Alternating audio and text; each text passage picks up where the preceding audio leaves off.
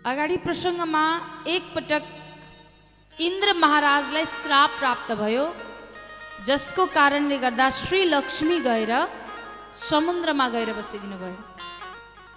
अनि समुद्रमा बसिदिए पश्चात आज अब श्री बिनाको दरबार त्यो स्वर्गको के अर्थ रहन्छ? यसकारण सबै देवताहरू नारायण भगवान् समक्ष गएर प्रार्थना गरेछन्। प्रभु श्री लक्ष्मी गएर बसिदिनु भयो समुद्रमा। अब के गर्ने? बिना श्रीको त राज्य सञ्चालन गर्न गाह्रो भयो। हजुर कृपा वर्षाइदिनुहोस् तब भगवान् नारायण भन्नुहुन्छ त्यसमा एक काम गर। के गर? समुद्र मन्थन गर। त समुद्र मन्थन गर्न के चाहियो? सबैभन्दा पहिले त जनशक्ति चाहियो। हामी देवताले मात्र सक्दैनौँ। त्यसो भए एक काम गर दैत्यलाई पनि बोलाऊ। त दैत्यलाई त बोलाउने दैत्यलाई कसरी बोलाउने? केही लालच नदिकन त आउँदै आउँदैन। त लालच के दिने त भन्दा अमृतको घडा प्रगट हुन्छ भनेर लालच दिनु। समुद्र मन्थनमा अमृत निस्किन्छ।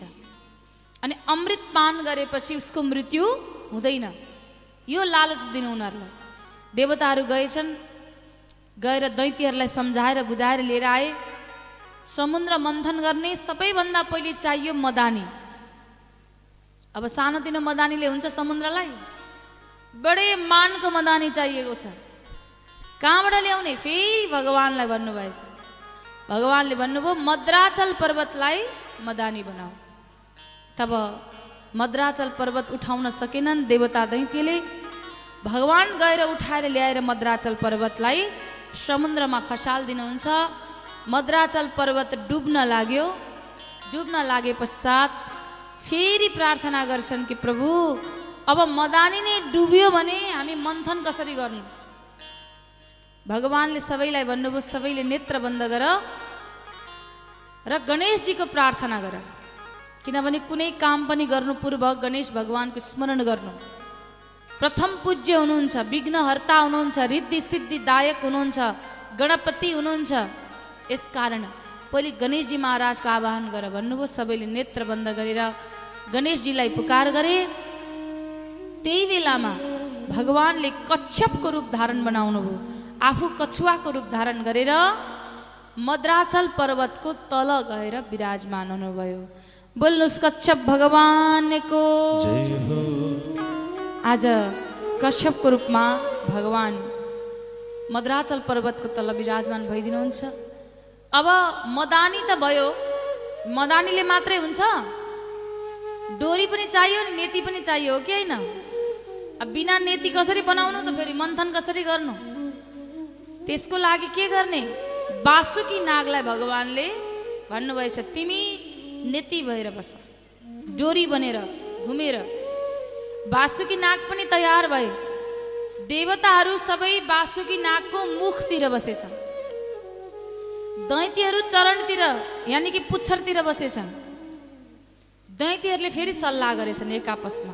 के सल्लाह गरेछन् भने अहिले समुद्र मन्थन हुँदा के थाहा त्यो बासुकी नागको मुखबाट पो अमृत फुत्तै बाहिर निस्किने हो कि?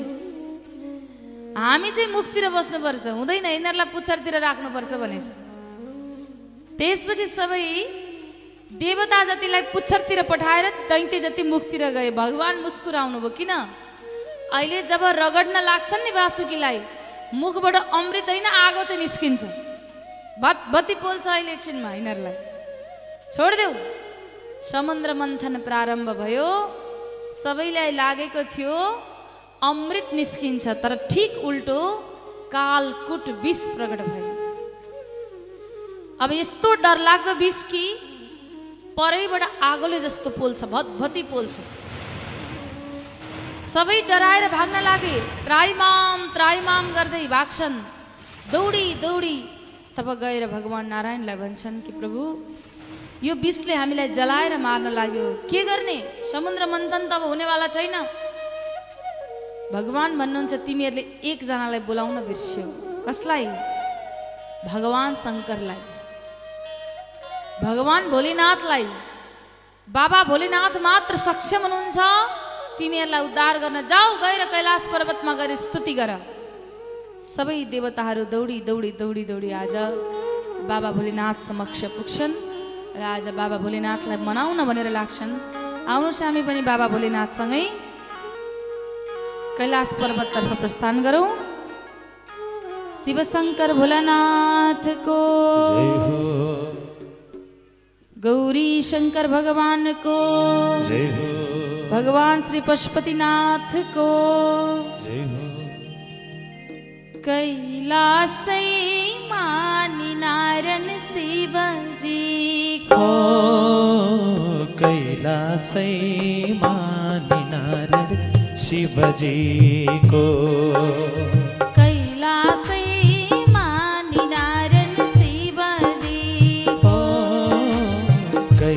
सैमानि नार शिवजी।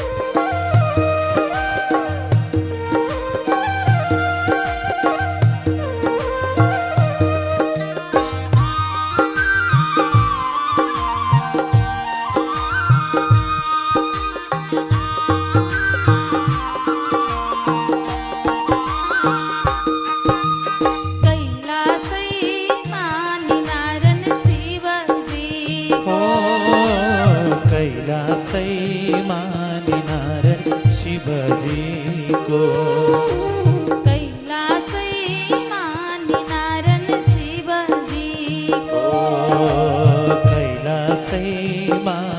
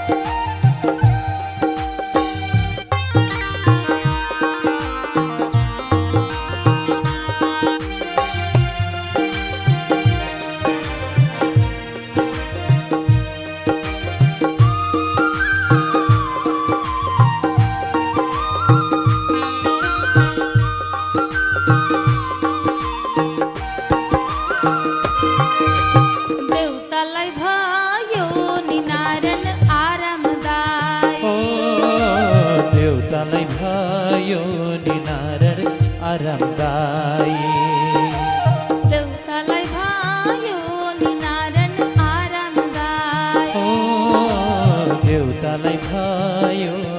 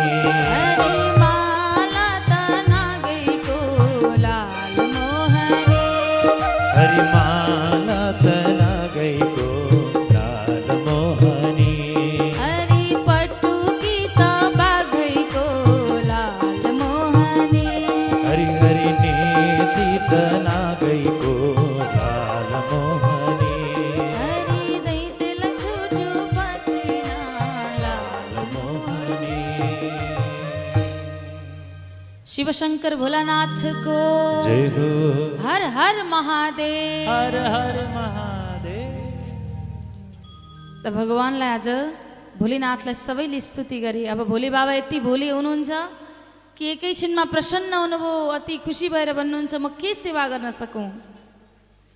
कि किन स्तुति गर्दै हुनुहुन्छ? हजुरहरूको प्रिय कर्म म के गर्न सक्छु?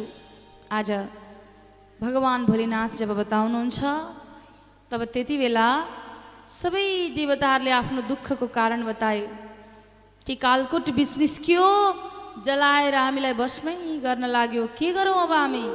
हाम्रो रक्षा गर्नुहोस् भनेपछि भोले बाबाले माता पार्वतीलाई सोध्नुभयो के गरौँ? माता पार्वती भन्नुहुन्छ यदि हाम्रा सन्तान हाम्रा पुत्र पुत्रादि सङ्कटमा छन् भने उनीहरूलाई कष्ट छ भने मेरो स्वामी हजुरले विष पान गर्नुपर्छ। कति मिठो शब्द बोल्नु भएको छ आमाले बाबालाई त्यही सिकाउनुहुन्छ घरमा। के सिकाउनुहुन्छ? म त बेसरी गाली गर्छु बाबा। छोराछोरीलाई हजुर चाहिँ गाली नगर्नुहोस् है। हजुरले सहनुपर्छ। मैले चाहिँ जे गरे नि हुन्छ।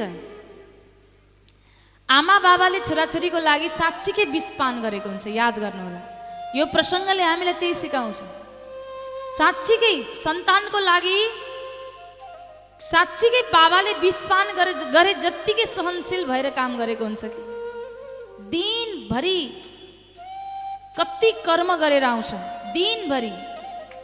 तर जस्तो अवस्थामा पनि बाबाले आफ्नो सन्तानको अगाडि जब पुग्छ नि त्यति बेला मुस्कुराएरै कुरा गर्छ।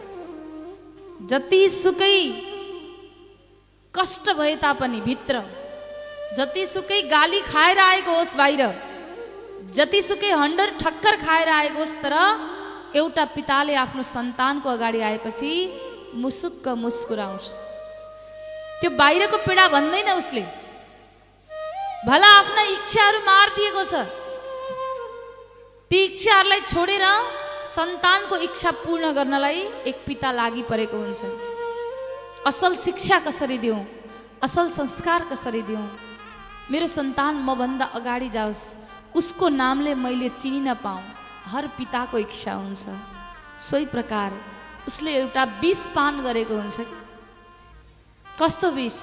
त्यो इच्छा रूपी अनेक प्रकारका मनमा आएका भावनाहरूलाई सबैलाई त्याग गरेर समाजका कष्टहरूलाई पान गरेर अनि गलामा लगेर स्थापित गर्छ।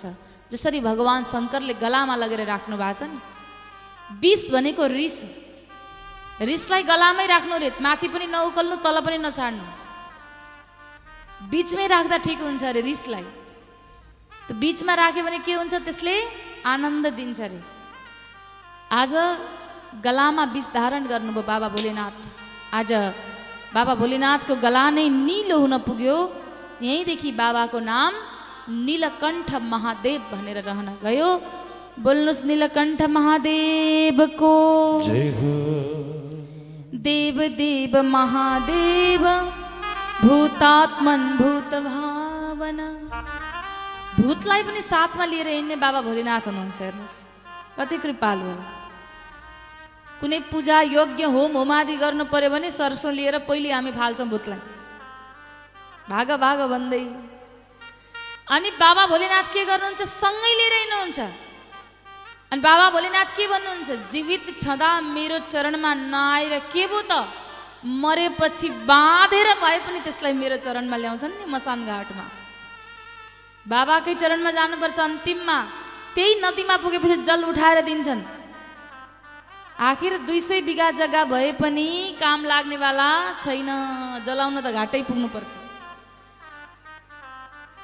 पन्ध्रवटा बिसवटा घरको कोठाको घर भए पनि यो मान्छे मऱ्यो यही कोठाभित्र राख्छु पनि भन्दैन मान्छे। लग्यो पुर्यायो अब घरबाट आउट बाहिर निस्क घाट अन्त समयमा त्यही प्रभुको चरण नै चाहिँदो रहेछ। आज यहाँ बाबा भोलिनाथले विष पान गर्नुहुन्छ कालकुट विष। यता फेरि समुद्र मन्थन प्रारम्भ भयो तब त्यसमा समुद्र मन्थनमा कामधेनु गाई प्रकट भइन् जसलाई ऋषि मुनिहरूले लिनुहुन्छ उच्च स्त्रवा घोडा प्रकट भयो जसलाई बलि महाराजले लिनुभयो।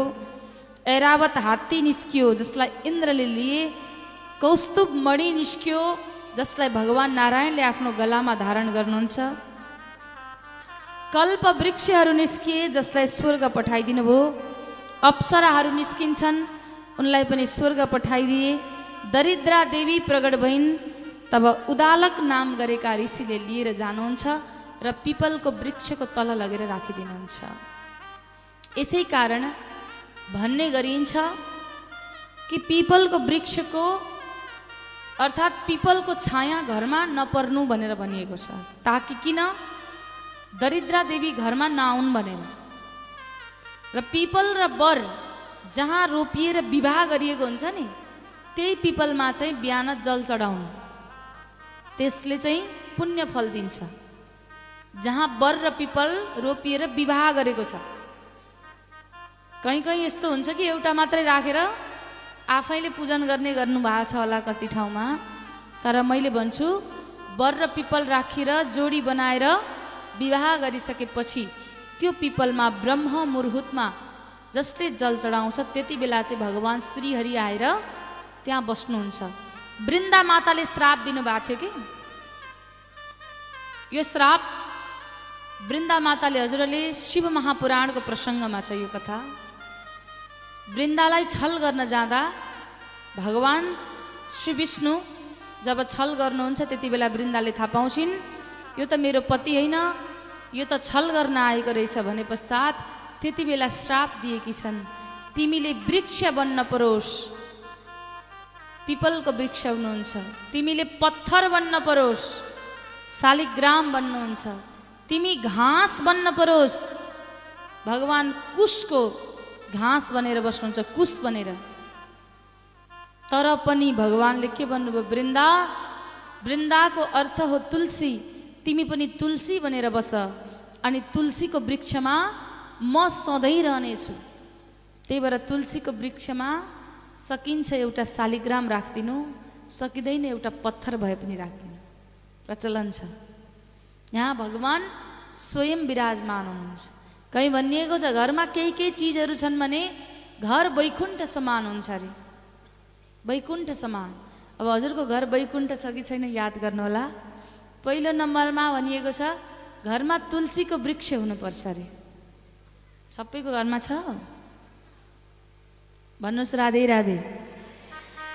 दोस्रो शङ्ख हुनुपर्छ अरे। शङ्ख छ? क कसले बजाउनुहुन्छ? ल त बजाउने जतिले हात उठाउनु त हेरौँ। शङ्ख बजाउनु। मेरो भिडियो हेर्नुभयो भने चाहिँ बजाउनु पक्कै सिक्नुभयो होला। मैले भनेको छु बजाउनु शङ्ख। सबैले बजाउनुपर्छ। र शङ्ख बजाउँदा हाम्रो शरीरमा भएका नसाहरू खुल्दछन् जसको कारणले प्यारालाइसिस हुने सम्भावनालाई न्यून गराउँछ। यस कारण शङ्ख फुक्नुपर्छ। तर रजस्वला भएको सात दिनसम्म चाहिँ नफुक्नु होला महिलाहरूलाई स्त्रीहरूलाई म अनुरोध गरेँ। अर्को गरुड घन्टी। घन्टी छ? सबैको घरमा छ घन्टी? जय होस्। अर्को शालिग्राम भगवान्। हुनुहुन्छ? र अन्तमा भगवान् शङ्करको शिवलिङ्ग। शिवलिङ्ग छ? अनि शिवलिङ्ग कत्रो राख्नु भनेको छ? यो बुढी औँला जत्रो। योभन्दा ठुलो भगवान्लाई पूजा गर्नलाई मन्दिरै बनाएर स्थापना गर्नुपर्छ। बुझ्नुभयो नि? बुढी औँला जत्रो चाहिँ घर गृहभित्र राख्न बिल्यो अरू चाहिँ मन्दिरमा ल्याएर पूजन गर्नु पर्यो। यो पाँचवटा चिज यदि हजुरको घरमा छ भने त्यो घर के भयो? के भयो? वैकुण्ठ भयो रे। हेर्नुहोस् त। अनि के भनेको छ? जसले भगवान् शङ्करको पूजन गर्छ र उसले यदि भगवान् नारायणको यानि कि श्रीहरिको निन्दा गर्छ भने त्यो भक्त भगवान् नारायणलाई पटक्कै मन पर्दैन रे। अनि जसले भगवान् श्रीहरिलाई प्रेम गर्छ अनि त्यसले भगवान् शङ्करको निन्दा गर्छ भने त्यो भक्त पनि भगवान्लाई पटक्कै मन पर्दैन। यो शिव महापुराणमा छ। के भन्नुहुन्छ? त्यो भक्तको त म अनुहार पनि हेर्न चाहन्न भन्नुहुन्छ। दुवैले श्रीहरिले पनि अनि भगवान् शङ्करले पनि दुवैले एकअर्काको प्रेमी हुनुहुन्छ। अब भगवान् शङ्कर राम नाम जाप गर्नुहुन्छ भगवान् राम भन्नुहुन्छ भगवान् शङ्करको जाप गर्नुहुन्छ। एक अर्काको प्रेमी यसकारण कहिल्यै पनि तेरोभन्दा मेरो भगवान् ठुलो भनेर भन्दै नभन्नु। अरूले गरेको पूजनमा श्रद्धा भाव राख्नु। र कुनै पनि भगवान् यो भगवान् छुनै हुँदैन यो भगवान् पूजा गर्नै हुँदैन भनेर भन्दै नभन्नु त्योभन्दा ठुलो मूर्ख यो संसारमा कोही पनि छैन याद गर्नु होला। कोही छैन। अज्ञानी अबोध। अझै पनि ज्ञान आएको छैन। किनभने भागवतजीको अन्तमा भनिएको छ वैष्णवानाम यथा सम्भव वैष्णवको पनि परम वैष्णव को हुनुहुन्छ अरे भगवान् शङ्कर हुनुहुन्छ अरे पहिलो प्रथम यस कारण कहिल्यै पनि भगवान् जुनसुकै हुनुहुन्छ प्रेमले श्रद्धाले भाव अर्पित गर्नु र कहिल्यै पनि निन्दा र उप उपेक्षा चाहिँ गर्दै नगर्नु। यहाँ आज दरिद्रा देवी प्रकट भइन्। अगाडि समुद्र मन्थन प्रारम्भ भयो। लक्ष्मी माता प्रकट हुनुहुन्छ। लक्ष्मी माता प्रकट हुनुभयो। हातमा वरमाला लिएर। सबै देवताहरू लाइनबद्ध भएका छन्। कसलाई वरमाला लगाइदिनुहुन्छ माताले भनेर? तर माताले लगेर नारायण प्रभुलाई आफ्नो वरमाला धारण गराउनुहुन्छ। बोल्नुहोस् लक्ष्मीनारायण भगवानको अगाडि बारुणी देवी प्रकट भइन् जसलाई दैत्यहरूले लिन्छन्। चन्द्रमा प्रकट भए आकाशमा पठाइदिनु भयो अनेकौँ रत्न र अन्तमा धनवन्तरी महाराज हातमा अमृतको घडा लिएर प्रगट हुनुहुन्छ बोल्नुहोस् धनवन्तरी महाराज कि। यही दिनलाई चाहिँ हामी धनतेरस भन्छौँ। धनवन्तरी जयन्तीलाई चाहिँ हामी धनतेरस भन्छौँ। बुझ्नुभयो नि? यही दिनको दिन अमृत लिएर प्रगट हुनुभयो धनवन्तरी महाराज। र यहाँ जब प्रगट हुनुभयो अमृतको घडा खोसेर सबै दैतीहरू त्यहाँबाट भागे। अब देवताहरू भन्छन् यत्रो दुःख गरियो अन्तिममा परिणाम कसले पायो? दैत्यले पायो। के गर्ने अब? भगवान् भन्नुहुन्छ चिन्ता नगर म मोहिनी रूप धारण गरेर जान्छु र छल गरेर भए पनि तिमीहरूलाई अमृत पान गराएरै छाड्छु भन्नुभयो। मोहिनी रूप बनाएर आज भगवान् जानुहुन्छ। यता दैत्यहरूले उज्जैन हरिद्वार नासिक र प्रयागमा लगेर अमृतको घडा राख्छन्। यसकारण यी चारवटा स्थानमा कुम्भ मेला लाग्ने प्रचलन छ। र यता जब भगवान् मोहिनी रूप धारण गरेर दैत्यहरूको अघि अघि लाग्नुहुन्छ दैत्यहरू पछि पछि त्यो सुन्दरताको बसमा फसेर ती सुन्दरीको पछि पछि जाँदै गर्न लागे सुन्दरी भन्छन् मेरो पछि नआऊ मैले सुनेको तिमीहरू कश्यप ऋषिका सन्तान हो। दैत्य भन्छन् हो हामी कश्यप ऋषिका सन्तान? तिमी को हो। भगवान् भन्नुहुन्छ मोहिनी रूपी प्रभु म वनदेवी हुँ। वनमा यत्र तत्र घुम्छु। मेरो पछि नलाग तिमीहरू आफ्नो बाटो लाग। अब ती सम्पूर्ण दैत्यहरूले सल्लाह गरेछन्। कस्तो सल्लाह गरेछन् भने अब यिनै स्त्रीको हातबाट हामी अमृत बराबर पान गरौँ। सबैजना मिलेर अमृत पान गरौँ भनेर ती स्त्रीलाई भन्न लागेछन्। तब त्यति बेला ती स्त्री भन्छन् म जस्तो कुल्टा स्त्रीको विश्वास गर्छौ? मलाई चिनेकै छैन जानेकै छैन। अब मैले अमृत पिलाउनु तिमीहरूलाई। अब त झन् विश्वास भयो। दैत्यहरू भन्छन् अब त तिम्रै हातको पिउने। भगवान्ले पनि त्यही मौकामा सबै दैत्यहरूलाई लाइनबद्ध रूपमा लगाइदिनुहुन्छ। त्यतिखेरै देवताहरू पनि टुप्लुक्कै आइपुग्छन्। देवताहरू पनि लाइनबद्ध भएर बसे। अब त्यति बेला लाइनबद्ध भएर बसेको बेलामा मोहिनी रूपी भगवान् भन्नुहुन्छ। के भन्नुहुन्छ? यो माथि माथिको अमृत चाहिँ पातलो पातलो रहेछ। तल तलको अमृत चाहिँ बाक्लो बाक्लो रहेछ। यो पातलो पातलो अमृत चाहिँ यी देवतालाई खुवाउनु पर्यो। अनि तल तलको बाक्लो बाक्लो अमृत चाहिँ तिमीहरूलाई। आज रूपको बसमा फसेर सबै दैत्यहरूले के भने हुन्छ ठिक छ। हजुर जे भन्नुहुन्छ। तब त तुरुन्तै भगवान्ले सबै देवताहरूलाई अमृत पान गराउनुहुन्छ। सबैलाई अमृत पान गराउने बित्तिकै चन्द्रमा र सूर्यको बिचमा एउटा राहु नाम गरेको दैत्य गएर बसेछ।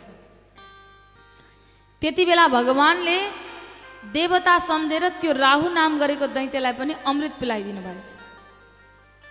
तब चन्द्रमा र सूर्य चन्द्रमा र सूर्यले भनेछन् प्रभु गल्ती भयो यो त दैत्य थियो।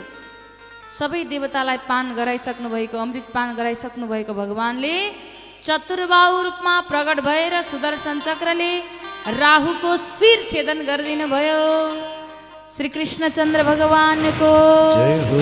पूर्ण पुरुषोत्तम भगवानको जय जय हो। आज शिर छेदन गर्ने बित्तिकै राहुको मृत्यु भएन। किनभने अमृत पान गरेको थियो। अब शिरलाई राहु र धरलाई केतु बनाएर दुई ग्रह बनाएर पठाइदिनु भयो। पहिले सातवटा ग्रह थियो पछि नौवटा ग्रह भयो। अब ग्रहको रूपमा पठाइदिनुहुन्छ। यता दैत्यहरूले थाहा पाए यी छलिया विष्णु पो रहेछन्। स्त्रीको रूपमा हामी समक्ष आए भनेर को यति राम्री स्त्री भनेको त? यो छलिया विष्णुले हामीलाई छल गर्यो। अब युद्ध प्रारम्भ भयो। घनघोर युद्ध। तब त्यति बेला दैत्यहरू सबै सबैको मृत्यु भयो देवताहरू सबैको जित भयो। दैत्यहरूले दैत्यका राजा बलिको पनि त्यसमा मृत्यु भयो। तर गुरु शुक्राचार्य आउनुहुन्छ। र पुत्र भाँति मृत सञ्जीवनी विद्याद्वारा जीवित गराउनुहुन्छ र फेरि सयवटा अश्वमेघ यज्ञ गर्न लगाउनुहुन्छ। किनभने सयवटा अश्वमेघ यज्ञ सकेपछि इन्द्रको पद बलिले प्राप्त गर्नेवाला थियो। अब इन्द्रको पद प्राप्तिको लागि यज्ञ प्रारम्भ भयो। उनान्सय एउटा यज्ञ सकेपछि एउटा यज्ञ बाँकी छ। अब के गर्ने? यता माता अदितिले कश्यप मुनिलाई भन्नुभएछ स्वामी दिदीका पुत्रहरूले मेरा पुत्रहरूको सम्पूर्ण राज्य हरण गरिसके। म यो चाहन्न उनका पुत्रले पनि सुख पाउन् मेरा पुत्रले पनि सुख पाउन्। यसकारण मेरो पुत्रको राज्य फिर्ता फिर्ता ल्याउन के गर्नुपर्छ? भन्दा त्यसो भए श्री नारायणको व्रत राख। फाल्गुन मासमा शुक्ल पक्षमा बाह्र दिनको व्रत राखेर भगवान्लाई प्रकट गराएर भन्नु कि हजुर मेरो घरमा सन्तान बनेर आउनुहोस्। र उनैलाई राज्य फिर्ता गराउन लाग्नुपर्छ भनेर प्रार्थना गरेपछि अदिति माताले आज व्रत राख्नुहुन्छ। बाह्र दिन पर्यन्त तत्पश्चात भगवान् प्रकट भएर आउनुहुन्छ र पुत्रको रूपमा आउनेछु भनेर वचन दिनुहुन्छ। समय बित्दै जान्छ। यता बिस्तारै बिस्तारै भदौको महिना आयो शुक्ल पक्ष आयो द्वादशी तिथि आयो। दिउँसोको बाह्र बजे अब भगवान् यो धराधाममा आउन लाग्दा सबै ब्रह्मा लगायत तेत्तिस कोटी देवी देवताले गर्भ स्तुति गर्न लागे र भगवान् पनि यो धर धरतीमा अभिजित मुहुर्तमा दिउँसोको बाह्र बजे स्वयं बामनको रूप धारण गरेर यो धरतीमा पाल्नुहुन्छ। बोल्नुहोस् बामन भगवानको। बामनको रूपमा आउनुभयो। भगवान्को यज्ञ पवित्र संस्कार गर्ने बेला भयो। व्रतबन्ध अब व्रतबन्ध गर्दा पहिले पहिले चलन थियो घर घरमा गएर भिक्षा मागेर ल्याउने। अहिले चाहिँ हामीले बोलाउँछौँ नि भिक्षा दिन आउनुहोस् भनेर होइन? पहिले चाहिँ के चलन थियो? घर घरमा गएर भिक्षा माग्ने चलन थियो। त्यो सम्भव छैन अहिले। र घर घर गएर भिक्षा मागेर जे जस्तो मिल्यो ल्याएर आफ्नो गुरु बृहस्पतिलाई दिनुभएछ। अब गुरुदेव भन्नुहुन्छ यति साधारण भिक्षा हजुरबाट मैले आशा गरेको थिइनँ। यस कारण मलाई भिक्षा दिनु छ भने देवताको राज्य फिर्ता ल्याइदिनुहोस्। त देवताको राज्य कोसँग छ त? भन्दा बलि महाराजसँग छ। अब स्वर्गमाथि पनि राजा प्राप्तिको लागि सयौँ यज्ञ गर्दैछन्। तिनलाई गएर हजुरले रोक्नुपर्छ। आज नर्मदा नदीको तटमा भृगु कक्ष नाम गरेको स्थानमा सयौँ यज्ञको प्रारम्भ भएको छ। चाँडोभन्दा चाँडो गएर हजुरले त्यो देवताहरूको राज्य फिर्ता गराउनुहोस् भने पश्चात आज वामनदेव स्वयं जाँदै हुनुहुन्छ। आउनुहोस् हामी पनि वामन भगवान्सँग आज सँगै जाउँ प्रभु। हामी नर्मदा नदीको तटमा बलि महाराजको यज्ञमा कस्तो रूपमा जाँदै हुनुहुन्छ वामन भगवान्? उहाँसँगै हामी पनि पुगौँ। भक्तवत्सल भगवानको आजको आनन्दको। जय जय श्री नारायण प्रभु आज बामन भनेको कत्रो रे भन्दा बाहुन्न औँलाको। कति सानो हुनुहुन्थ्यो होला हेर्नुहोस् त बाहुन्न औँलाको मात्रै हुनुहुन्थ्यो। जम्मा बाहुन्न औँलाको बामन हातमा छाता बोक्नु भएको छ कमण्डल छ एक हातमा माला छ अनि खडाउ लगाउनु भएको छ कोपिन वस्त्र धारण गर्नु भएको छ। बडो सुन्दर चोटी छ। आज जाँदै हुनुहुन्छ आउनुहोस् हामी पनि भगवान्सँगै। आज बलि महाराजको यज्ञतर्फ प्रस्थान गरौँ। बामन का रूप बनाए बलि राजा के द्वारे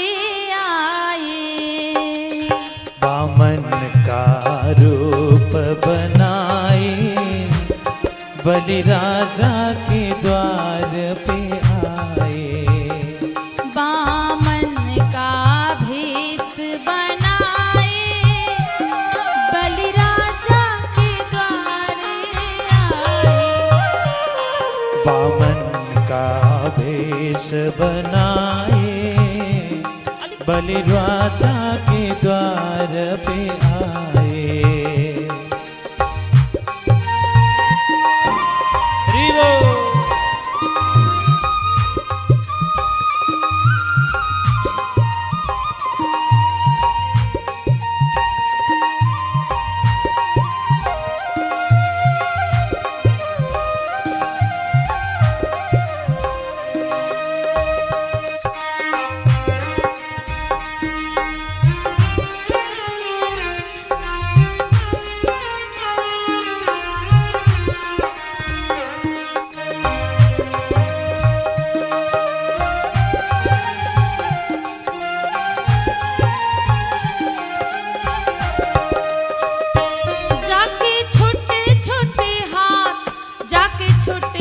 छोटे पाँव ताके छोटे छोटे हाथ ताके छोटे छोटे पाँव जाके छोटे छोटे हाथ जाके छोटे छोटे पाँव जाके छोटे छोटे हाथ जाके छोटे छोटे पाँव पैरों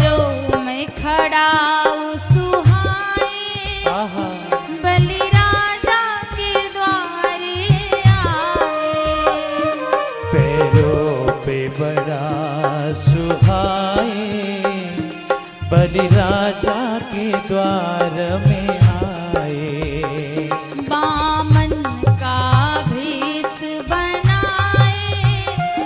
बलि राजा के द्वारे आए। बामन का भेष बनाए। बलि राजा के द्वार पे आए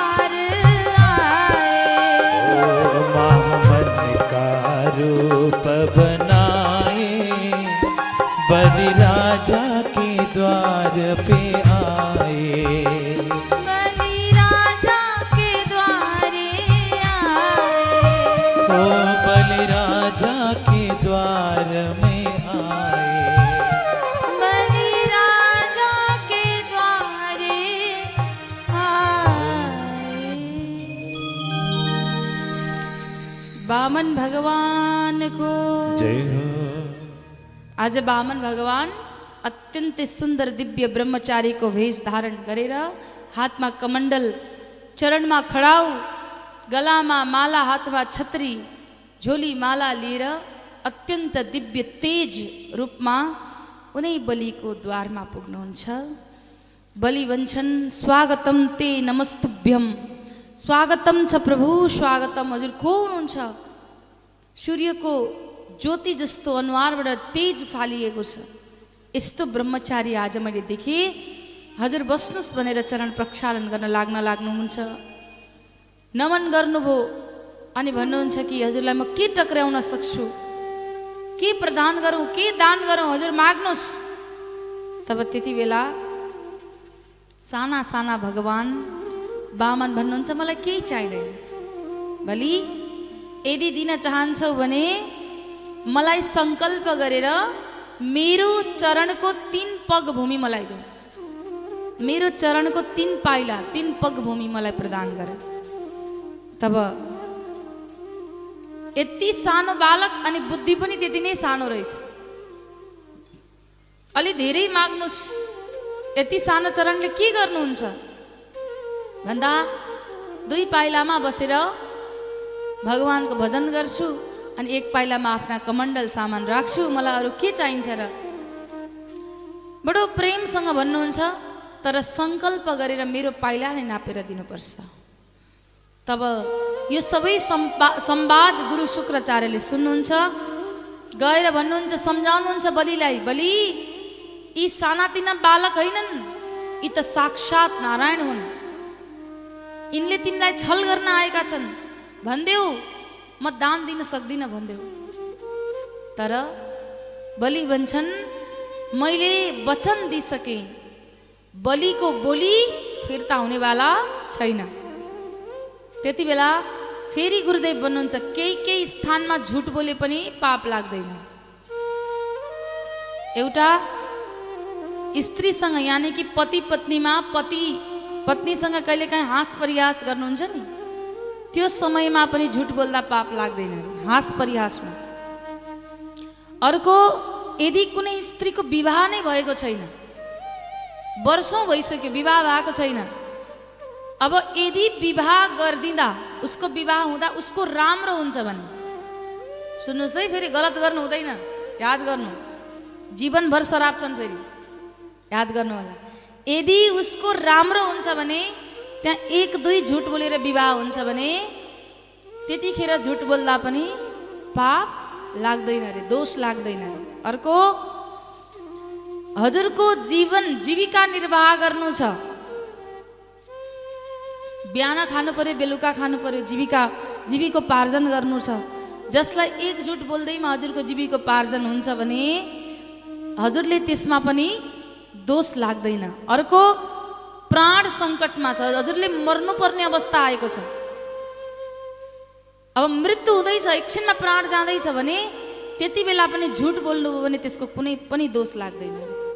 अर्को गाई र ब्राह्मणको हत्या हुँदैछ। यदि गाईको हत्या हुँदैछ ब्राह्मणको हत्या हुँदैछ र हजुरको एक झुटले त्यो हत्या हुनबाट बच्छ भने त्यहाँ पनि झुट बोल्दा पाप लाग्दैन अरे यी पाँचवटा स्थान बताइएको छ। र भन्नुहुन्छ आज त तिम्रो सर्वस्व हरण हुँदैछ। प्राण सङ्कटमा छ तिम्रो। भनिदेऊ म दान दिन सक्दिनँ भनेर। तर बलि भन्छन् यदि यो साँच्ची नै नारायण हो भने पनि म दान त दिन्छु दिन्छु। दान वीर बलि हो। बलिले बोलेको वचन अकाट्य छ। म दान दिन्छु सङ्कल्प गरेरै दिन्छु। तब गुरुदेवले श्राप दिनुभयो तिम्रो सर्वस्व हरण होस्। अनि गएर करुवाको टुटीमा गएर बस्नुभएछ शुक्राचार्य गुरुदेव। यता अब सङ्कल्प गर्ने बेला भयो जल झर्दै झर्दैन करुवाको टुटीमा को बसेको छ? शुक्राचार्य। जल झर्दैन केही गरे झर्दैन? त भगवान्ले एउटा कुसको टुक्राले धेरै स्थानमा चाहिँ भगवान्ले नै कुसको टुक्राले गर्नुभयो भन्ने छ। र कहीँ चाहिँ स्त्रीले भन्ने चलन छ। तर धेरै ठाउँमा चाहिँ जस्तै अन्य ग्रन्थहरूमा चाहिँ भगवान्ले नै कुसको टुक्राले भनिएको छ? अन्य ग्रन्थमा पनि यो प्रसङ्ग जब आउँछ तब त्यति बेला चाहिँ शुक्राचार्यको आँखा फुट्यो जब कुसको टुक्रा छिराउनु भयो त्यो टोटीबाट त्यति बेला शुक्राचार्यको आँखा फुट्यो शुक्राचार्य त्यहाँबाट भागे र त्यति बेला चाहिँ जल राखेर सङ्कल्प लिनुहुन्छ। भगवान्ले आफ्नो रूपलाई विराट स्वरूपमा प्रदर्शित गरिदिनुहुन्छ। एक पाइलाले माथिको सबै लोक नापिदिनुभयो। दोस्रो पाइलाले तलको सबै लोक लोक नाप्नुभयो।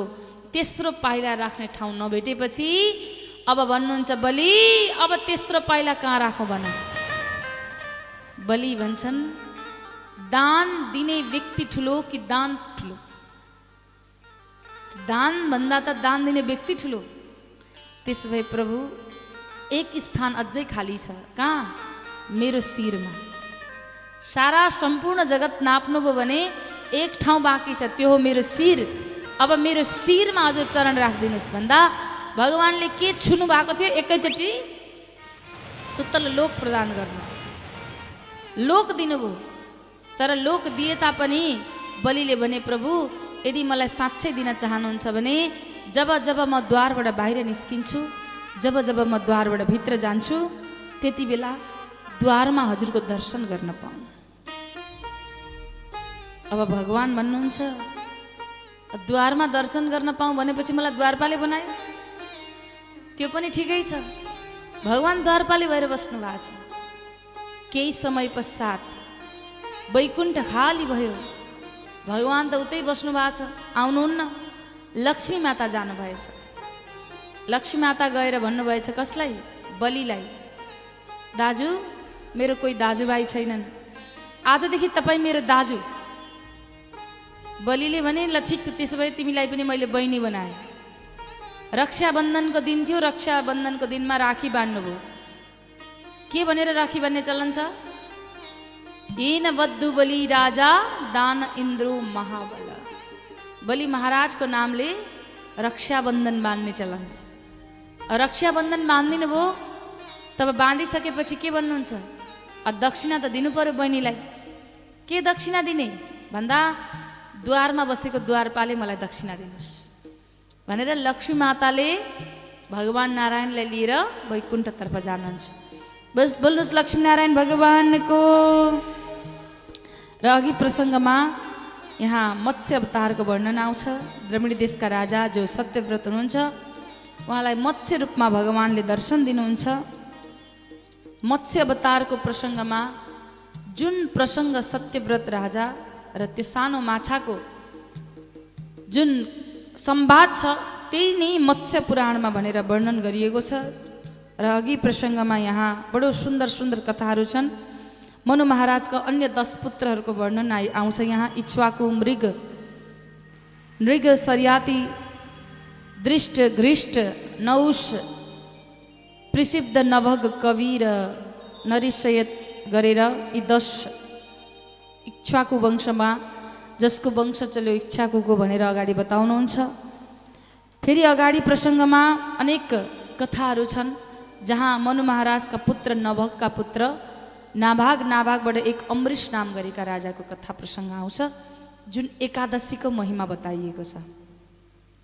हजुरहरू ककसको एकादशीको व्रत बस्नुहुन्छ? कतिजना बस्नुहुन्छ? बुवाहरूले त हातै उठाउनुहुन्न त। दुई तिनजना बुवाहरू हुनुहुन्छ जो एकादशीको व्रत बस्नु हुँदो रहेछ।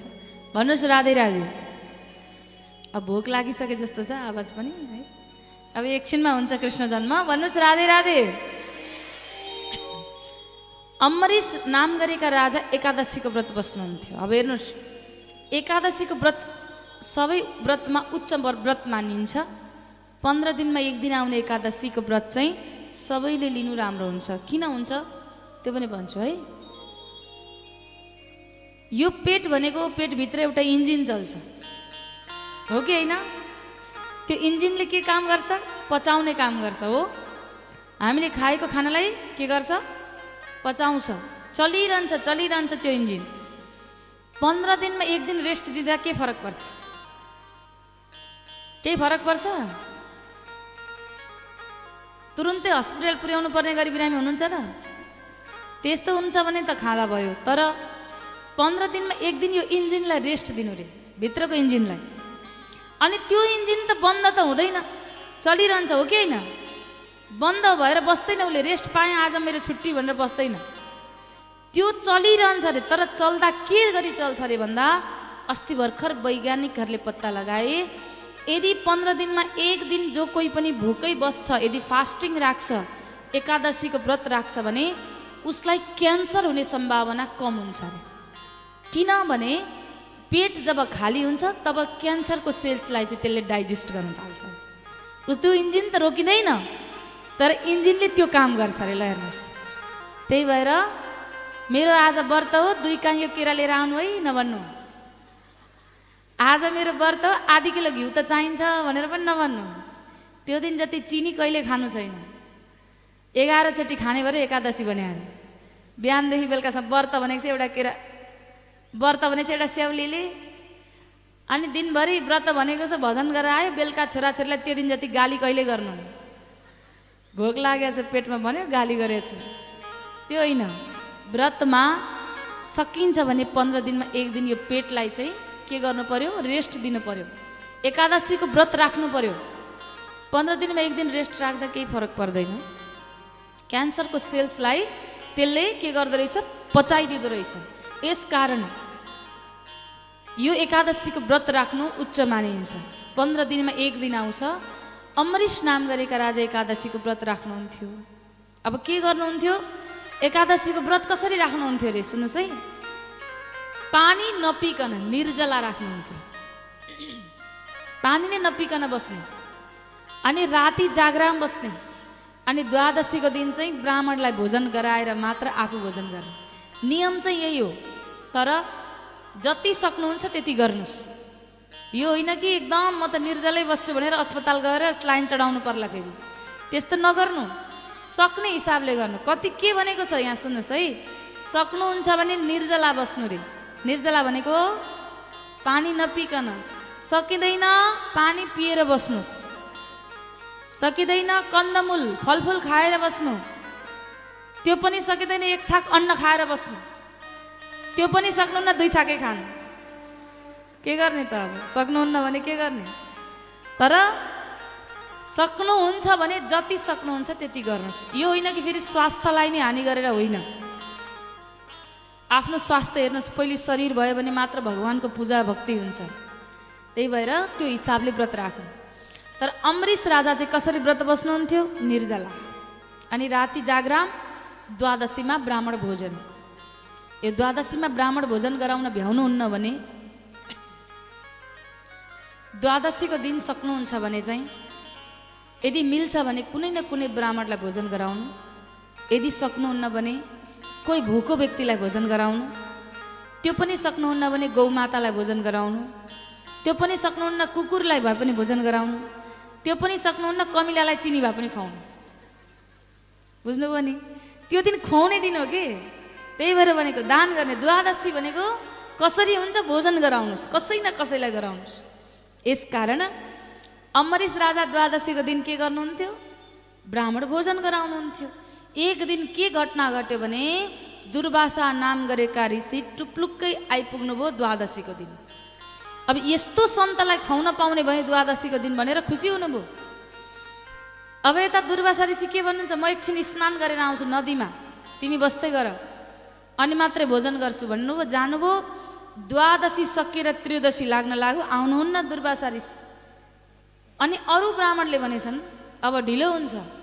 त्रयोदशी लाग्यो भने त फेरि व्रत तिमीले राखेको व्रत पूर्ण भएन। त्यस कारण तिमीले अब के गर? हिजोदेखि पानी पनि पिएको छैन। भगवान्लाई जुन स्नान गरेको जल हुन्छ चरणामृत त्यसलाई पान गर। तिम्रो व्रत पूर्ण हुन्छ। दोष पनि लाग्दैन भनेपछि हातमा चरणामृत लिएर यसो पान गर्दै हुनुहुन्थ्यो। टुप्लुक्कै दुर्वासा ऋषि आइपुग्नु दुर्वासा ऋषिलाई लाग्यो यसले मलाई खुवाउँछु भनेर पहिले आफै भोजन गरेछ। यसलाई त म छोड्दिनँ भनेर शिरको जट्टा भुइँमा पछार्नु भयो त्यहाँ कालकृत्य नाम गरेको दैती प्रकट भएर अम्बरीष राजालाई मार्न भनेर जान लाग्यो। त्यति बेला भगवानको सुदर्शन चक्र आएर कालकृत्यको अन्त्य गरेर दुर्वासाको पछि पछि चक्र लाग्यो सुदर्शन चक्र। दौडी दौडी दौडी दुर्वासा ऋषि पुग्नु भएछ ब्रह्मलोकमा ब्रह्माजी भएका ठाउँ ब्रह्मदेव मलाई बचाउनु पर्यो। केबाट बचाउने? भन्दा सुदर्शन चक्रबाट। लु मबाट त हुनेवाला छैन केही पनि।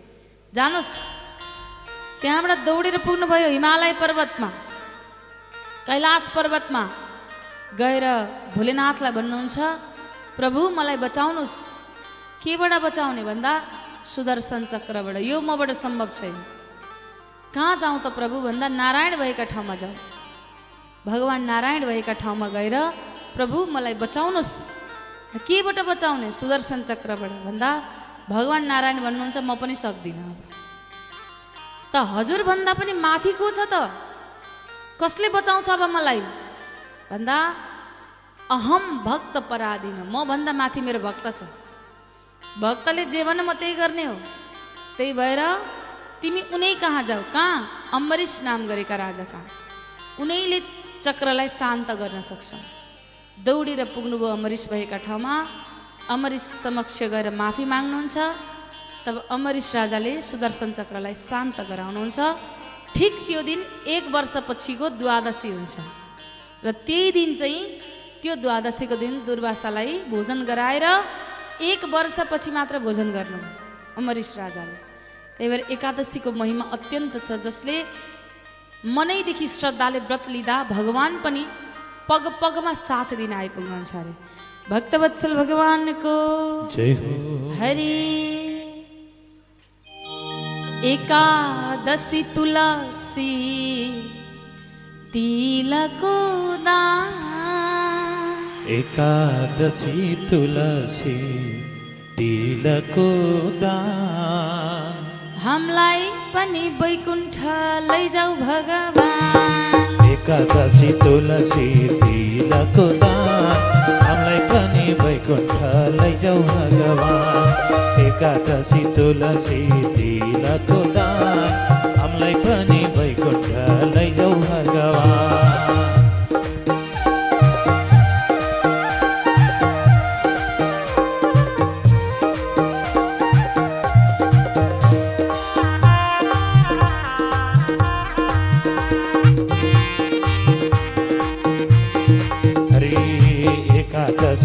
तुलसी तिलको दान हामीलाई पनि वैकुण्ठ लैजाऊ भगवान। एकादशी तुलसी तिलको दान हामीलाई पनि वैकुण्ठ लैजाऊ भगवान। लैजाऊ भगवान लैजाऊ भगवान लैजाऊ भगवान लैजाऊ भगवान। हरि हामीलाई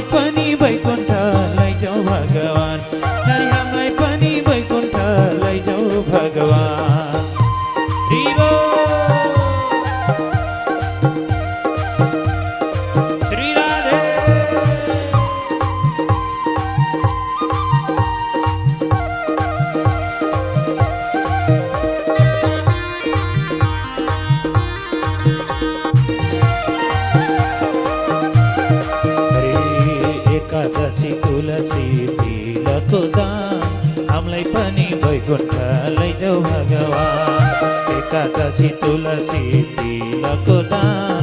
हामीलाई पनि वैकुण्ठ लैजाऊ भगवान। हरि हरि हामीलाई पनि वैकुण्ठ लैजाऊ भगवान। हरि हरि हामीलाई पनि वैकुण्ठ लैजाऊ भगवान। हरि श्याम सुन्दर भगवान गर्छौँ पुकारा। हरि श्याम सुन्दर भगवान गर्छ पुकार।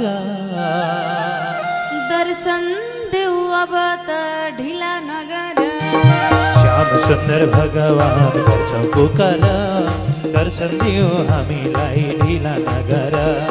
श्याम सुन्दर भगवान गर्छौँ पुकार दर्शन दियो अब त ढिला नगर.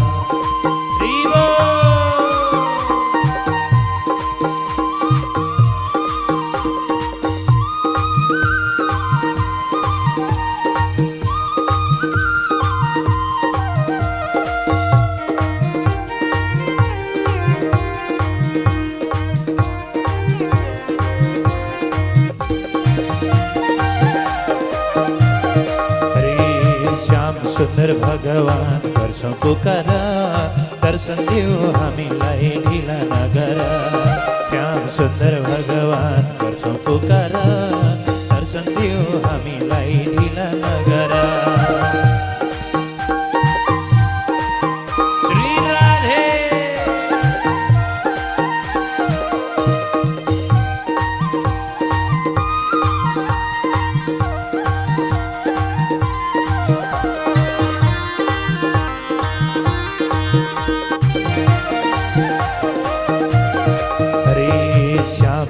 सुन्दर भगवान गर्छौँ दर्शन देऊ हामीलाई ढिला नगर।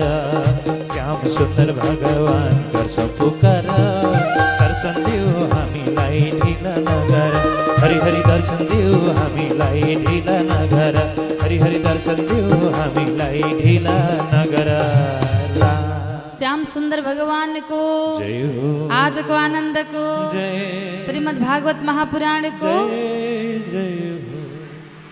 आउनुहोस् महादेव भक्तजन। अब केही क्षणपछि नै हाम्रो भगवान् श्री कृष्णको जन्म उत्सवतर्फ हामी लाग्नेछौँ। त्योभन्दा अगाडि केही प्रसङ्गहरू छन्। अब भगवान् रामको चरित्रको वर्णन अगाडि आउँछ कथा प्रसङ्गमा। न त रामकथा एकछिनमा गुणगान गा गरेर सकिने कथै होइन। रामकथा नौ दिनसम्म गाए पनि सकिन्न। नौ दिन त के? नौ वर्ष नौ सय वर्ष गाए पनि सकिन्न। तर पनि रामकथा नौ दिनमा गर्ने प्रचलन छ। भगवान् रामको चरित्र अब हामी थोरै नौ मिनटसम्म बडो आनन्दले श्रवण गर्छौँ। आनन्द कन्द भगवानको जय हो। सबैले भन्नुलाई जय श्री राम जय श्री राम भगवान् रामको चरित्रमा अब हामी प्रवेश गर्दैछौँ। यहाँ खटवाङ राजाका पुत्र भए दीर्घबाउ दीर्घबाउका रघु रघुका अज र अजका भए दशरथ। जो महाराज दशरथको सन्तान भएनन् सन्तान नभए पश्चात पुत्र कामयष्टि यज्ञ गर्नुहुन्छ अब पुत्र कामयष्टि यज्ञ ल- को प्रारम्भ गर्नुभयो तर तिनवटा पुत्र कामयष्टि यज्ञमा तिनवटा पात्रमा प्रसाद राखिन्छ। अब महाराज दशरथका तिनवटी पत्नी छन्। तिन पत्नी हुनुहुन्छ। कौशल्या सुमित्रा र कैकेयी र यो कैकेयी नाम यस्तो भयो कि त्यस पछाडि कसैले आफ्नो नाम कैकेयी राख्दै राख्ने सुन्नु भएको छ कसैको नाम कैकेयी माता कैकेयी पछाडि अरू कसैको नाम सुन्नु भएको छ श्राप दिएको छ श्राप भरत महाराजले आफ्नै आमालाई यस्तो कलङ्कित नाम भयो रे कि आजबाट उपरान्त कसैले पनि कैकै नाम राख्दै नराखोस्। सबै नाम राख्छन् आफ्ना सन्तानको तर कैकै राख्दै राख्दैन। आज तिन रानी छन्। तिन रानीमा तिन पात्रमा प्रसाद छ। प्रसाद पान गर्नेको समय आउँछ त्यति बेला एउटा पक्षी आएर एउटा पात्रमा राखेको प्रसादलाई उडाएर लान्छन्। दुईवटा पात्र रह्यो त्यसमा एक पात्रबाट अलिकति सुमित्रालाई कौशल्याले दिन्छन् र अलिकति कैकेयीले दिन्छन् र सुमित्रा महारानीले पान गर्नुहुन्छ। तिनैजना रानीले पान गरेपछि तिनवटै रानी गर्भवती हुन्छन्। समय बित्दै गयो र महाराज दशरथको घरमा अवध नगरी अयोध्यापुरीमा आज दिव्य भगवान् श्री रामको जन्म हुन्छ माता कौशल्याको गर्भबाट। बोल्नु श्री रामचन्द्र भगवानको जय हो। भगवान् रामको जन्म भयो। कैकै माताले भरत महाराजलाई जन्म दिनुहुन्छ भने शत्रुघ्न र लक्ष्मणजीको जन्म सुमित्रा महारानीको गर्भबाट हुन्छ। राम लक्ष्मण भरत र शत्रुघ्न गरेर चार दाजुभाइ बढ्दै जानुहुन्छ। सरजुको तटमा अयोध्या नगरीमा बडो धुमधामसँग यज्ञोपवित संस्कार गरिन्छ। गुरुकुलको शिक्षा आर्जन गर्न गुरुकुल पठाइन्छ। गुरुकुलमा गएर चौसठी दिनमा चौसठी विद्या हासिल गरेर फर्केर आउनुहुन्छ महाराज। महाराज दशरथका सुपुत्र राजकुमार चारै राजकुमारहरूको आगमन हुन्छ। त्यति बेला यता विश्वामित्र गुरुले थाहा र भगवान् रामलाई माग्न जानुहुन्छ ताकि आफ्नो यज्ञ पूर्ण होस्। यज्ञ पूर्ण गराउनलाई भगवान् राम र लक्ष्मणलाई लिन जानुहुन्छ। राम र लक्ष्मणलाई लिएर आउनुहुन्छ। मार्गमा ताडकाको उद्धार गर्नुहुन्छ। अनि बिना तीर अगाडिको तीरको अगाडि केही हुँदैन सादा एकदम। त्यो बिना तीरको एक यस्तो बाण चलाइदिनु भयो कि मारिच उडेर पुग्यो समुद्रमा गएर झर्यो त्यही मारिच पछि सुनको मृग बनेर आउँछ। भगवान् रामलाई सीतालाई छल गर्ने बेलामा। यता जाँदै गर्नुहुन्छ। जाँदा अगाडि बढ्नुभयो। मार्गमा गौतम ऋषिको आश्रम पुग्नुहुन्छ। बडो दिव्य प्रसङ्ग छ। म एकैछिनमा कहाँ वर्णन गर्न सक्छु र तर पनि म थोरै थोरै संक्षेपमा भन्छु। सबैले भन्नु होला राधे राधे। आज मार्गमा अत्यन्तै बन्जर भूमि छ। तर अद्भुत दृश्य छ। कस्तो दृश्य? एउटा पत्थर छ अनि पत्थरको छेउमा तुलसी माताको वृक्ष छ। वृक्ष झरझर झरझर उज्यालो हरियो छ अनि भूमि कस्तो छ? बन्जर भूमि छ। त्यो दृश्य देखेर भगवान् रामले भन्नुहुन्छ यो ठाउँमा कहिल्यै कुनै समयमा कोही ऋषिमुनि बस्नुहुन्थ्यो। त्यति बेला विश्वामित्र गुरुदेव भन्नुहुन्छ यहाँ गौतम नाम गरेका ऋषि बस्थे। अनि यो पत्थर जुन देखिँदैछ यो उनकी पत्नी अहिल्या। यो हजुरको चरण स्पर्श पर्खिएर बसेकी छिन्। कतिखेर हजुर आएर आफ्नो चरणले छोइदिनुहुन्छ स्पर्श गरिदिनुहुन्छ र मेरो मुक्ति हुन्छ भनेर बसेकी छन्। यिनको कुनै दोष छैन। हेर्नुहोस् अहिल्याको दोष थिएन। अहिल्या यति सुन्दरी कि शास्त्र भन्छ अति सर्वत्र वर्जयत। कुनै पनि चिज अति भयो भने के हुन्छ? त्यसले हानि गर्छ अरे। अत्याधिक सुन्दरी हुनु पर्यो। केही केही जस्तै अहिल्याले अत्याधिक सुन्दरी भएर दुःख पाइन्। त्यस्तै अर्कै माता जानकीले पनि यानि कि सीता माताले पनि अत्याधिक सुन्दरी भएको कारण हरण हुनु पर्यो। अत्याधिक। यसकारण आज अहिल्यालाई कस्तो दोष लाग्यो? इन्द्र महाराजले विवाह गर्न खोजेका थिए अहिल्यासँग तर उनका पिताले गौतम ऋषिसँग विवाह गराइदिनुहुन्छ। विवाह भइसके पश्चात अहिल्या एकपटक कस्तो घटना हुन्छ? बिहानको समयमा ऋषि स्नान गर्न जानुभएको बेलामा इन्द्रले उनको पतिको रूप बनाएर अहिल्याको कक्षमा प्रवेश गर्छन्।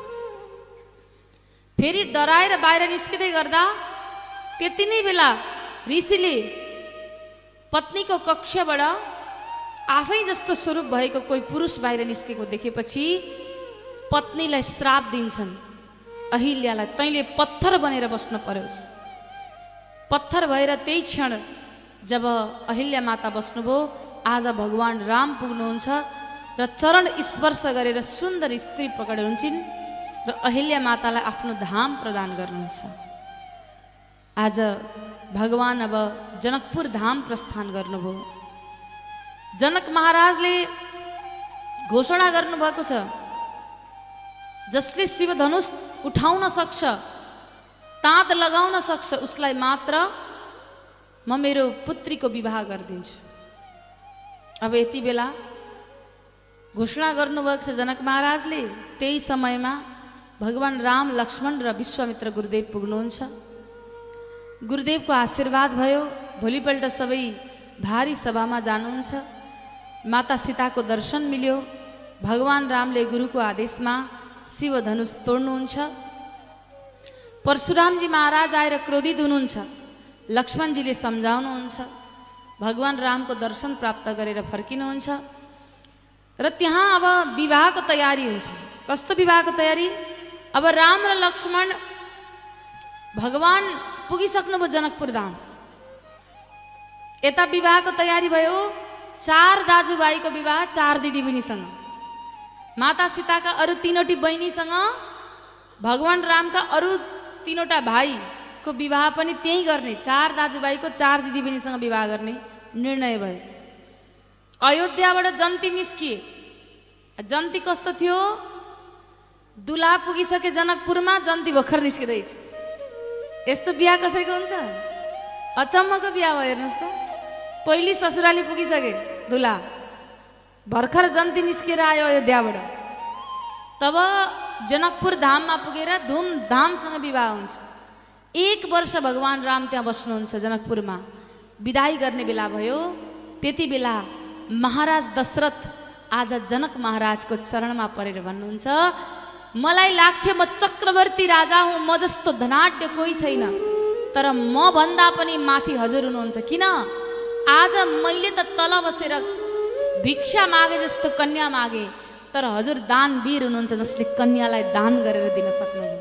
त्योभन्दा ठुलो दानी को हुन सक्छ? आज हजुर म भन्दा पनि माथि हुनुहुन्छ। तल बसेर भन्नुभयो तब त्यति बेला आज महाराज जनकले अङ्कमाल गर्नुहुन्छ। विदाई गर्ने बेला अब छोरीको। विदाई भयो लगभग तेह्र वर्षसम्म। अयोध्यामा बसेपछि माता कैकैकी एक सेविका जसको नाम थियो मन्थरा। मन्थराको लैलैमा लागेर कैकै माताले चौध वर्ष वनवास पठाउनुहुन्छ। भगवान् राम सीता र लक्ष्मण वनवासको लागि प्रस्थान गर्नुहुन्छ। चित्रकूट घाटमा पुग्नुहुन्छ। अनेक अनेक ठाउँमा अनेक कष्ट झेल्दै जाँदा रावणले छल गरेर सीताको हरण गर्छन् पछि रावणको अन्त्य गरेर जब सीतालाई लिएर आउनुहुन्छ र अनेक प्रकारले राज्यभार सम्हाल्नुहुन्छ रामकथा त अब कल्पकोटी लगी जाइ न गाई भनेको छ। एक कोटी होइन कल्पकोटी रे कति कति हो कति? जति वर्ष भने पनि सकिनेवाला छैन रे। यो यो रामकथा बडो बडो आनन्दको कथा छ हेर्नुहोस्। रामकथा आदर्श चरित्र। अब कृष्ण कथा प्रवेश गर्दैछौँ। कृष्ण कथा चाहिँ विचित्रै विचित्र बुझेरै सकिने छैन यो। अचम्मको छ। अब रामकथा बडो आनन्दले श्रवण गऱ्यौँ हामीले। अब हामी कृष्ण कथामा प्रवेश गर्दैछौँ। भगवान्को जन्म उत्सव पनि मनाउनु छ। कृष्ण कथाको चरित्रमा अब अगाडि बढौँ। परीक्षित महाराजले भन्नुभयो अब मलाई कृष्ण चरित्रको वर्णन गराइदिनुहोस्। आज पाँचौँ दिन भइसक्यो। म भगवान् कृष्णको कथाको आनन्द उठाउन कति बेला पाउँछु भनेर बसेको छु। मलाई मेरो प्रभुको कथाको आनन्द उठाइदिनुहोस् भनेपछि कृष्ण चरित्रको वर्णन अब आउँछ। उग्रसेनका पुत्र कंस जसले यो पृथ्वीमा अत्यन्तै अत्याचार दुराचार भ्रष्टाचार अति दुःख दिए अब पृथ्वी माता गाईको रूप बनाउनु भएछ र ब्रह्मलोक पुग्नु भएछ। गएर ब्रह्माजीलाई भन्नुहुन्छ प्रभु मैले थाम्नै सकिनँ मैले थाम्नै सकिनँ। कस्तो भयो किन के भएर? भन्दा उग्रसेनको पुत्र कंसले गरेको अत्याचारले म काँप्न थालेँ भन्नुहुन्छ। हेर्नुहोस् त। सहनै सक्नुहुन्न रे पृथ्वी माता पनि। त्यही भएर बेला बेला भुइँचालो आउँछ बेला बेला के के हुन्छ नि? अनिष्ट। सहन सक्नुहुन्न रे अत्याधिक। के भन्नुहुन्छ? गिरिसर सिन्धु भार नही मोही। गिरिसर भनेको ठुल्ठुला पर्वतहरू छन् नि पहाड। त्यो पनि मलाई भारी लाग्दैन। सिन्धु भनेको नदी तलाउ जति पनि छन् ती कुनै पनि मलाई भार लाग्दैन। तर जस मोही गरु एक पर द्रोही। एउटा द्रोही जन्मियो भने चाहिँ म थाम्नै सक्दिनँ फेरि। बडो गाह्रो हुन्छ। के गर्ने? म काँप्न थालेँ। म आएँ हजुरको शरणमा अब मलाई भन्नुहोस्। भन्दा त्यसो भए यो समाचार नारायणलाई सुनाउनु पर्छ भगवान्लाई थाहा छ। भगवान्लाई भन्नुपर्छ भनेपछि भगवान् कहाँ हुनुहुन्छ त? कसैले भने क्षीर सागरमा हुनुहुन्छ कसैले भने वैकुण्ठमा हुनुहुन्छ। त भगवान् कहाँ हुनुहुन्छ थाहा छैन। त्यसो भए भगवान्लाई यहीँ पुकार गरौँ यहीँ बोलाउँ भनेर हरिव्यापक सर्वत्र समाना प्रेम ते प्रगट होए मे जाना भन्नुहुन्छ नि सर्वत्र हुनुहुन्छ यत्र तत्र सर्वत्र भगवान्लाई प्रगट गराउनु छ भने प्रेम चाहिन्छ अरे भाव चाहिन्छ यसकारण यहीँबाट पुकार गरौँ भनेर सबैले पुकार गरे त्यति बेला आकाशवाणी भयो हे गौमाता रूपी पृथ्वी चिन्ता नगर अब म केही समय पश्चात देवकीको आठौँ सन्तान वसुदेवको घरमा जन्म लिँदैछु र जन्म लिएर त्यो कंसको मैले अन्त्य गर्नेछु बरु देवताहरू हो तिमीहरू पनि जाऊ। गएर ब्रजधाम वृन्दावन धाममा ग्वाल बाल मोर बन्दर वृक्ष फुल पुष्प के के बन्नु छ आफ्नो इच्छाले बनेर बस्नु। म आउनै छु तिमीहरूलाई भेट्न भनेर भन्नु भने पश्चात सबै देवताहरू प्रसन्न भए आज वृन्दावन धामतर्फ प्रस्थान गर्दैछन्। यता गौमाता रूपी पृथ्वी पनि प्रसन्न हुनुभयो र यता आज कंस महाराजले पनि आफ्नै बहिनी देवकीको विवाह गराउने समय भएछ र विवाह गर्ने समय भए पश्चात आज देवकी माता र वसुदेवजी महाराजलाई विवाह गराउनलाई स्वयं आफै विवाह गराइदिएर पुर्याउन भनेर आफै जाँदैछन्। र कसरी जान्छन्? अनि जन्म त्यसपछि जन्म प्रसङ्गमा चाहिँ हामी अगाडि जानेछौँ। यो दिव्य झाँकीले कसरी पुर्याउन जान्छन् र कसरी कैदी बनाएर राख्छन् यो छटालाई दर्शन गरौँ। अनि त्यसपछि पनि कथालाई अगाडि हामी लिएर जानेछौँ। आनन्द कन्द भगवानको।